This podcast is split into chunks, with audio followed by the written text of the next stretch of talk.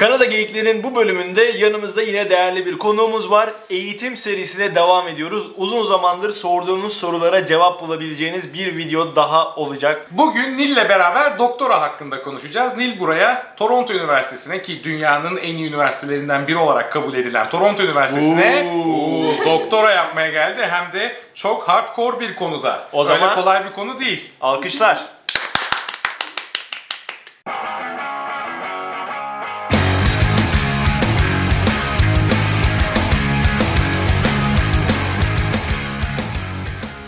Nil hoş geldin.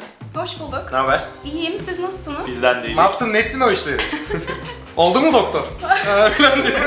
Nil şimdiden sana teşekkür ediyorum. Teşekkür ediyoruz. Önceden önceden teşekkürümüzü edelim. Çünkü bir sürü güzel bilgiler vereceksin.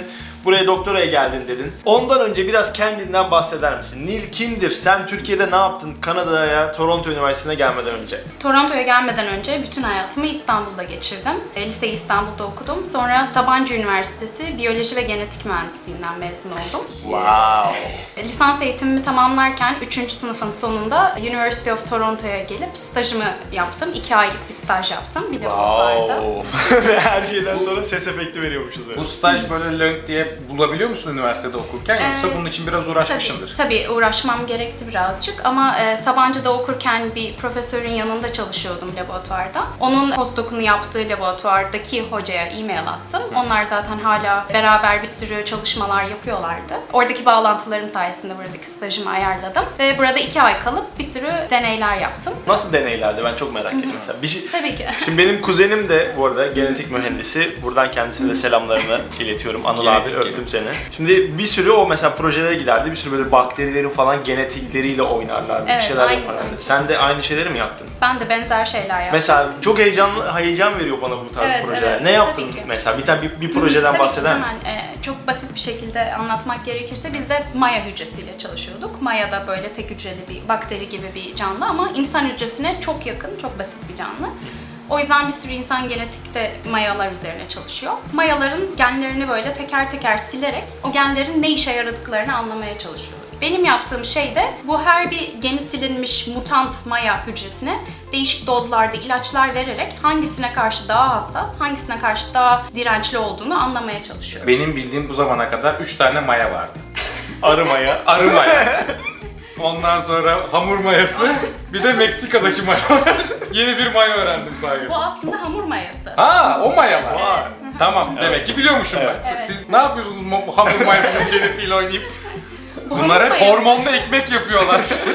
hep derim bak şu röportajlar sayesinde cahil olduğumuz konulardan bir şeyler gidiyor yani. Bak maya orada işe yarıyormuş yani. Sen Sabancı Üniversitesi'ndeyken buraya geldin. iki aylık periyotta yaptığın işleri değil mi? Staja geldin. Evet, doğru. Evet. Ondan sonra Türkiye'ye geri döndün. Sabancı Üniversitesi'nden mezun oldun. Ondan sonra doktora için adımların neydi Toronto Üniversitesi'ne gelmeden önce? Üçüncü sınıfın sonunda yazın buraya geldikten sonra dördüncü sınıfın ilk döneminde başvurular başlıyor. Hatta Aralık, Ocak başı gibi de başvurular kapanıyor. Bir sonraki sene Eylül'de başlanacak doktora programı için. O yüzden döndüğümde hemen başvurularıma hazırlanmaya başladım. CV'mi toparladım. Personal statement'ımı yazdım. O da daha önce ne yaptığım ve doktora da hani ileride yüksek lisansta ne yapmak istediğimle ilgili bir iki sayfalık bir yazı. Onunla uğraştım. Ayrıca IELTS aldım çünkü İngilizce sınavının da verilmesi gerekiyor. Doktora için IELTS'ten kaç almaları gerekiyor seyircilerimizin? Aslında yanlış oldu. Ben TOEFL aldım.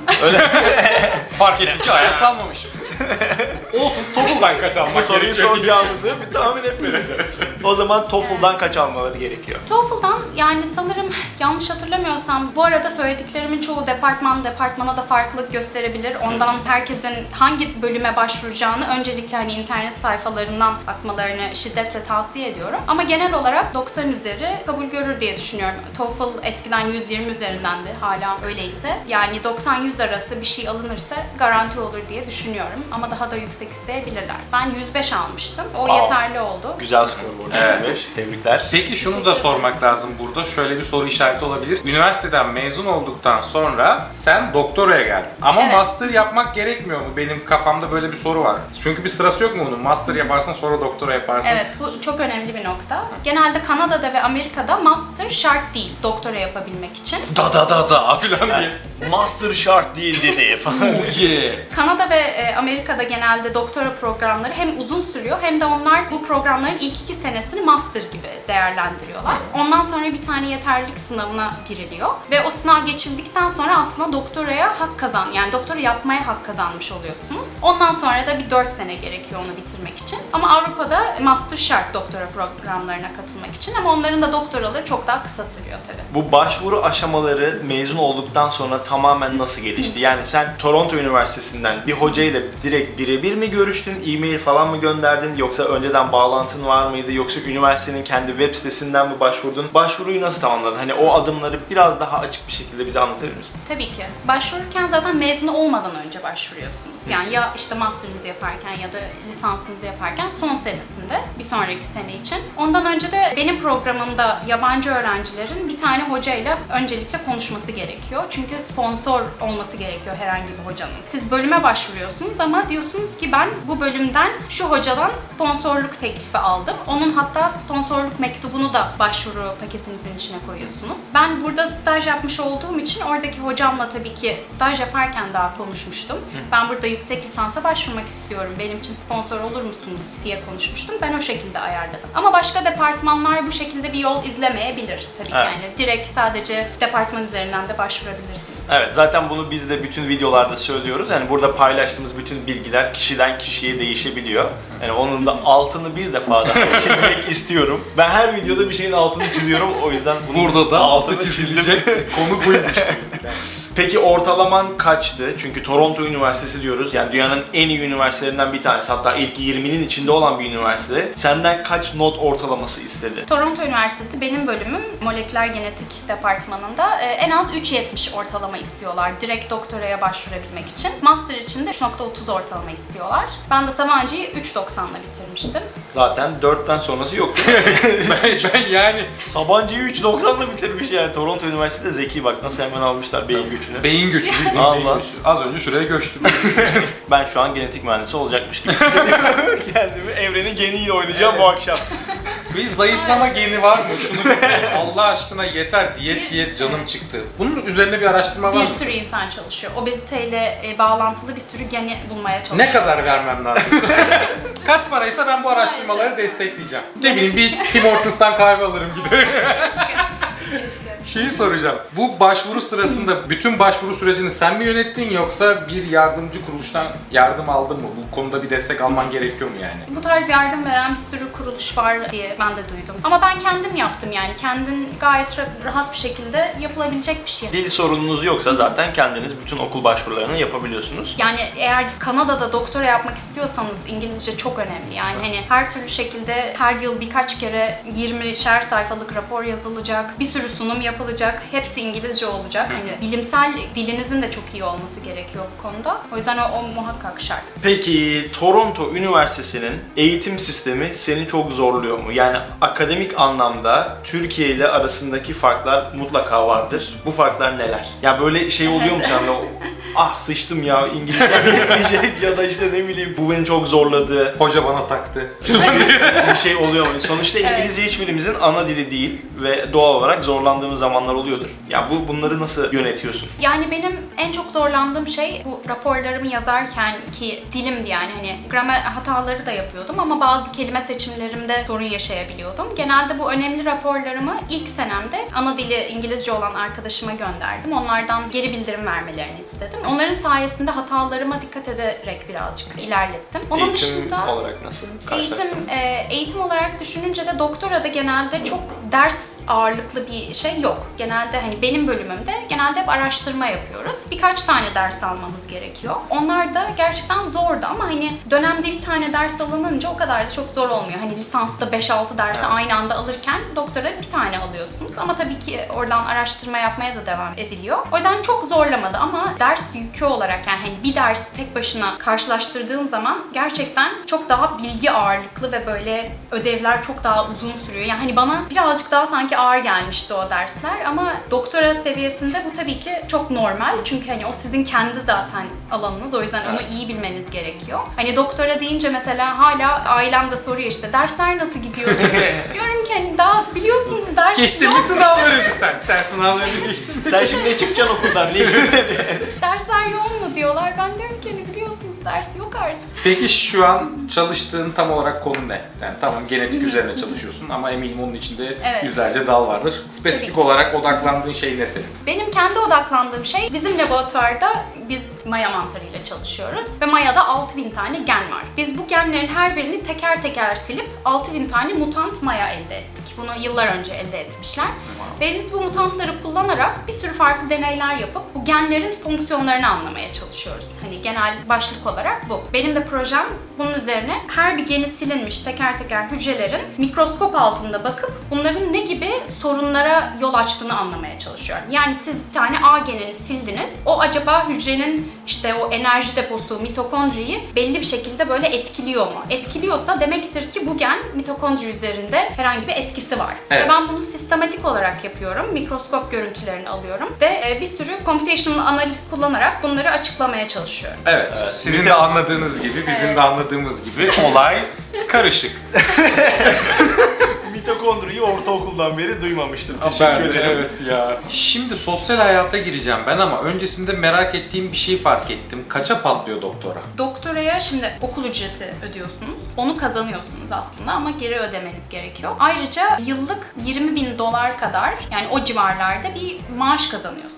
Sen verme, Miktarı onlar sana dolayı. 20 bin dolar Evet, veriyor yani. laboratuvarda çalıştığınızda sizin kendi profesörünüz size hem okul ücretinizi ödüyor hem de yıllık 20 bin dolar ödüyor. O yüzden sizin cebinizden çok fazla bir şey çıkmıyor tabii ki ama hani Toronto'daki yaşama masraflarını düşününce tabii ki yıllık 20 bin dolar yetmeyebiliyor. Yani garsonluk yaparak 35-40 bin falan kazanabilirsin neredeyse. Genelde bir sürü insan asistanlık yapıyor. O şekilde de bir yıllık 5000 dolar daha kazanıyorsunuz. Peki doktora süresince senin çalışma izninde oluyor mu burada? Part time oluyor ama biraz kampüse bağlı oluyor. O yüzden yani ben genelde asistanlık yaptığım zaman benim bütün vaktimi alıyor. Evet. Toronto'dan, Kanada'dan mutlu musun? Toronto'yu seviyor musun? Toronto'da yaşayan biri olarak. Ben Toronto'da yaşamaktan mutluyum. Bazı tabii ki zor kısımları da var. Eminim daha önce siz de bir sürü videonuzda girdiğiniz gibi hava soğuk olabiliyor. Kışın. Onun, kışın, kışın. Onun dışında Toronto'da yaşamak bence çok rahat. İnsanlar çok kibar, çok daha arkadaş canlısı. Bir sürü yere yürüyerek ya da bisikletle ulaşım çok müsait. Havası çok daha temiz. Yazın. Ee, yazın. Yazın. kışın da bayağı temiz. Hayır hava temiz de Evet, yani evet, evet. bisikletle ulaşım için Tabii ki, diyorum. tabii ki. Yo abi yani ha- hava eksi 15 iken direkt Kanadalılar hala bisikletle geziyor. Onlar manyak abicim kusura bakmasınlar da manyak yani buzun üstünde bisikletle gidiyor adam. Sen gitmiyorsun değil mi? Ben yok. Yani gitme ama. Yazın, yazın. Boşuna manyak demiş olmayayım konumu. Seviyorum genel olarak Toronto'da yaşamayı. Üniversiteyi çok seviyorum. Üniversite şehrin hem göbeğinde hem de eğitim olarak çok güzel. Yalnız Ondan sizin çok memnunum. sizin kampüs çok eski bir kampüs. Ya o binalar falan acayip eski binalar var. Hatta bir gün Toronto Üniversitesi'ne de gidip böyle bir gezmek istiyorum ben. İzleyenlere de Evet. göstermek istiyorum. Çok güzel bir yer yani. Angelin'den dolayı biliyorum. Hatta birkaç tane derse de girmiştim kaçak olarak Toronto Üniversitesi'nde. Angelin o zamanlar eğitim alıyordu. Ben de yanında girmiştim falan. Yani insan gerçekten içeri girince bile kendini zeki hissediyorsun. Okumana gerek yok yani. Göçmen olmak zor tabii ki. Hani böyle Kanada'ya geldim, oh hayat ne güzel falan değil. Ailem hala Türkiye'de, onları çok özlüyorum her gün. Yeni bir ülkeye, eve alışmak ve oraya ait hissetmek biraz zor ama belki zamanla bunlar doğal olarak daha rahat hissedeceğim konular olabilir. Göçmenlikten bahsetmişken benim bildiğim kadarıyla eğer yanlışsam lütfen düzelt. Doktorayı yaptıktan sonra direkt Ontario eyaletinin ya da yaptığın eyaletin göçmenlik programına başvurup direkt göçmenlik hakkı alabiliyorsun. Yani herhangi bir çalışma vizesi ondan sonra kendini başka bir yerde iş bulmak için yormana falan gerek kalmadan direkt doktoran bittikten sonra göçmenliğe başvurabiliyorsun. Bu bilgi doğru mudur? Bu bilgi doğrudur. Evet, Ontario Eyalet Göçmen Programı'nda doktora ve master öğrencileri için ayrı bir başvuru yolu var. Bu şekilde doktoranızı bitirdiğiniz zaman oturma iznine başvurmaya hak kazanıyorsunuz. Ek bir bilgi olarak da bu arada eğer önceden master'ınızı herhangi bir yerde yaptıysanız hani Avrupa olabilir, Türkiye olabilir, Kanada olabilir. Doktora yaparken de bu arada oturma iznine başvurabiliyorsunuz. Yani eğer benim master'ım olsaydı ben şu an oturma iznimi almıştım. Ve bu yani şu an bu okuduğum yıllarda vatandaşlığa sayılıyor olurdum. Bu güzel bir bilgi. Ben bunu daha önce duymamıştım bu arada. Gelip bu bilgiyle direkt doktoraya başvurup en azından oturma izni alabileceğini biliyorsunuz artık. Evet. Nil söyledi. Biz de onun yalancısıyız. Eğer yanlış söylediyse bulun Nil'i. Nil o zaman şeyden de bahseder misiniz? İzleyen arkadaşlarımız buraya gelmek isterse, doktora yapmak isterse onlara nasıl bir tavsiye verebilirsin buradan? Öncelikle yani bunu lisans hayatınızda düşünmeye çabucak başlayın derim. Çünkü hani eğer staj yapabilirseniz staj çok iyi bir imkan. Hem üniversiteyi tanımanız açısından hem hocalarla tanışmanız açısından çok önemli. Ortalamanızı her zaman yüksek tutmanız tabii ki doktora için çok önemli. Çünkü akademik bir kariyer olduğu için direkt akademik notlara bakıyorlar. E, son olarak da İngilizcenizin doktora yapmaya yetecek kadar tabii iyi olması lazım. Onun için de belki çalışma yapabilirsiniz. Evet geldik bir bölümün daha sonuna. Nil'e çok çok teşekkür ediyoruz tekrardan bize bu güzel bilgileri verdiği için. Ben teşekkür ederim beni ağırladığınız için. Umarız en kısa zamanda doktoranı bitirip hayallerindeki işe artık araştırma mı yaparsın yoksa teknoloji şirketlerinde mi çalışırsın yoksa şeytani bir iş adamının altında la- laboratuvarda mı çalışırsın bilemeyiz onu ama umarım istediğin gibi olur her şey. Umarım teşekkür ederim. Ki videoyu kapatmadan önce arkadaşlarımız ne yapıyor Nil? Kanada geyiklerine abone oluyorlar. Yoksa hepinizin genini değiştiriyorlar. Oynarız sizin genetiğinizle. Bak yanımızda profesör adayı var. Kanada geyiklerine destek olmanın en büyük yolu bu videoya herhangi bir yorum yazmak, like'a basmak ve tabii ki istediğiniz bir sosyal medya paylaşım alanında paylaşmak bizim için en büyük desteklerden biri ki sponsor alalım bizi veren. Bizim de destek şeyimiz bu şekilde oluyor. Teşekkür ederiz bize destek olan herkese. bir sonraki videoda görüşürüz. Genli kalın. Hadi bay. Bu muzun genetiği değiştirilmiş mi? Şurada biraz bir şişme var. Bunun genetiği mi değişmiş acaba diye şey yaptım. Ofisteki her şeyi getiriyorum. Şimdi bu organik havuç suyu. Gerçekten organik mi? Bir bakabilir misin? Oo, çok güzel. Hemen test ediyoruz. Şey yapıyorum şöyle bir Mikroskobu. tadı. Hmm, genetiğiyle oynanmış bunun yalan. Mikroskobu çıkartıyoruz falan diye. Neyse. Peki peki peki ne şey? Şimdi böyle bir iş adamı, şeytani bir iş adamı seni işe almak istiyor. Tamam mı? Yeraltı laboratuvarı kurmuş. Böyle mesela sadece sarışınlar olsun istiyor dünyada. O işe girer misin? Aylık 1 milyon dolar maaş. Aylık 1 milyon dolar. Öyle veriyor. Adam pis. Adam pis. Girer misin o işe? Yani hani çok zor. bir düşündü yani. Evet güzel. Aradığım cevap buydu. Teşekkürler.